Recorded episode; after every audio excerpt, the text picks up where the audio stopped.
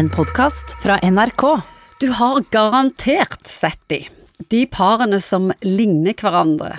Noen gjør det rent fysisk, mens andre har samme klesstil eller samme kroppsspråk eller personlige egenskaper. Og, og par som er like i utgangspunktet, de blir ofte enda likere med årene. Og psykolog Egon Hagen, er det sånn smått narsissistisk? Er det narsissisme som gjør at vi blir forelsket i oss sjøl? Så jeg av og til nesten tror.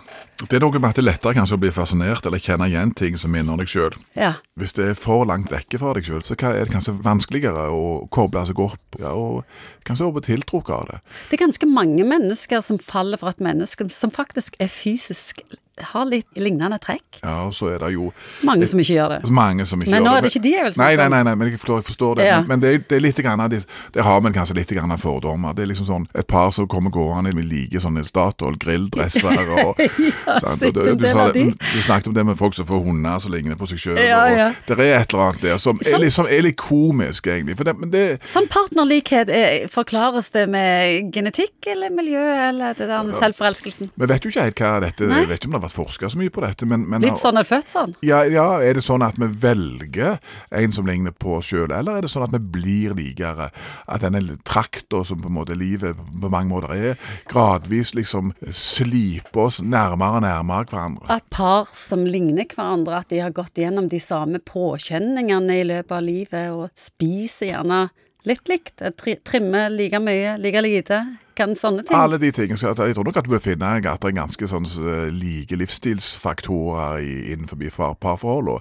at hvis den ene er veldig glad i rødvin, så er mest sannsynlig den andre òg det. Og, hvis den andre er hissige på, på triatlon, så er det ikke utenkelig at den, denne partneren òg faktisk er Jeg har også det. faktisk gjort undersøkelser på har den ene ADHD, har den andre det veldig ofte òg. Men til og, med til og med rynkene blir like. Ja, det, det er litt eh, Det er spesielt, det der. Ja. Det, men jeg tror nok det er litt grann det med det er lett for oss å kjenne oss igjen i det. Og så klart at når vi vokser sammen og blir likere, så det, har det mange praktiske fordeler med seg. Ja. Det er det ene bildet av dette. Og så har vi selvfølgelig mange vil si at ja, men jeg kjenner veldig mange par også som er veldig forskjellige, og, noen ganger kan du lure på hvordan i all verden kunne dette gå.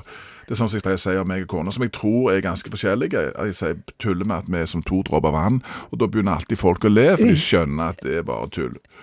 Men bør en bare slappe av og la det skje at en blir eh, like hverandre? Er det en god ting? Eller skal en kjempe litt for individualiteten? Nei, det Altså, hvis, hvis det å være like betyr at du aldri utfordrer hverandre for et, et parforhold, og som vi holder oss til det, det kan jo være et glimrende arena for å støtte hverandre og vokse, utvikle seg, men også utfordre hverandre. Og klart at hvis dere bare synger de samme salmeversene, og kler dere i de samme grilldressene, og, og ser på de samme tingene på TV, så klart at du trenger noen ganger òg det der som lygger litt, og som, som litt, litt den avstanden som viktige forutsetninger noen gang, tror jeg for å vokse. Hvis det blir så fordømt makelig og likt alt, så, så Og så syns vi jo det er litt komisk å se på. Det er jo noe, Jeg tror dere har sett noe forskning på det på Facebook. Det mest upopulære på Facebook, det er det folk legger ut sånn kjærestebilder av seg sjøl og mannen. Da holder folk på å svime av, fordi at eh, Jeg vet det er et eller annet med det der. De av dere som er gamle, husker kanskje To hus tett i test, denne serien i Bergen, som var så idyllisk, vet du, at du holdt på uvel? Ja, ble helt uvel av å se på det. Og det, For oss som står på utsida og ser inn på all denne likheten, så kan det noen ganger være litt sånn, ja, ja ser litt pussig ut, faktisk. Du har hørt en podkast fra NRK. Hør flere podkaster og din NRK-kanal i appen NRK Radio.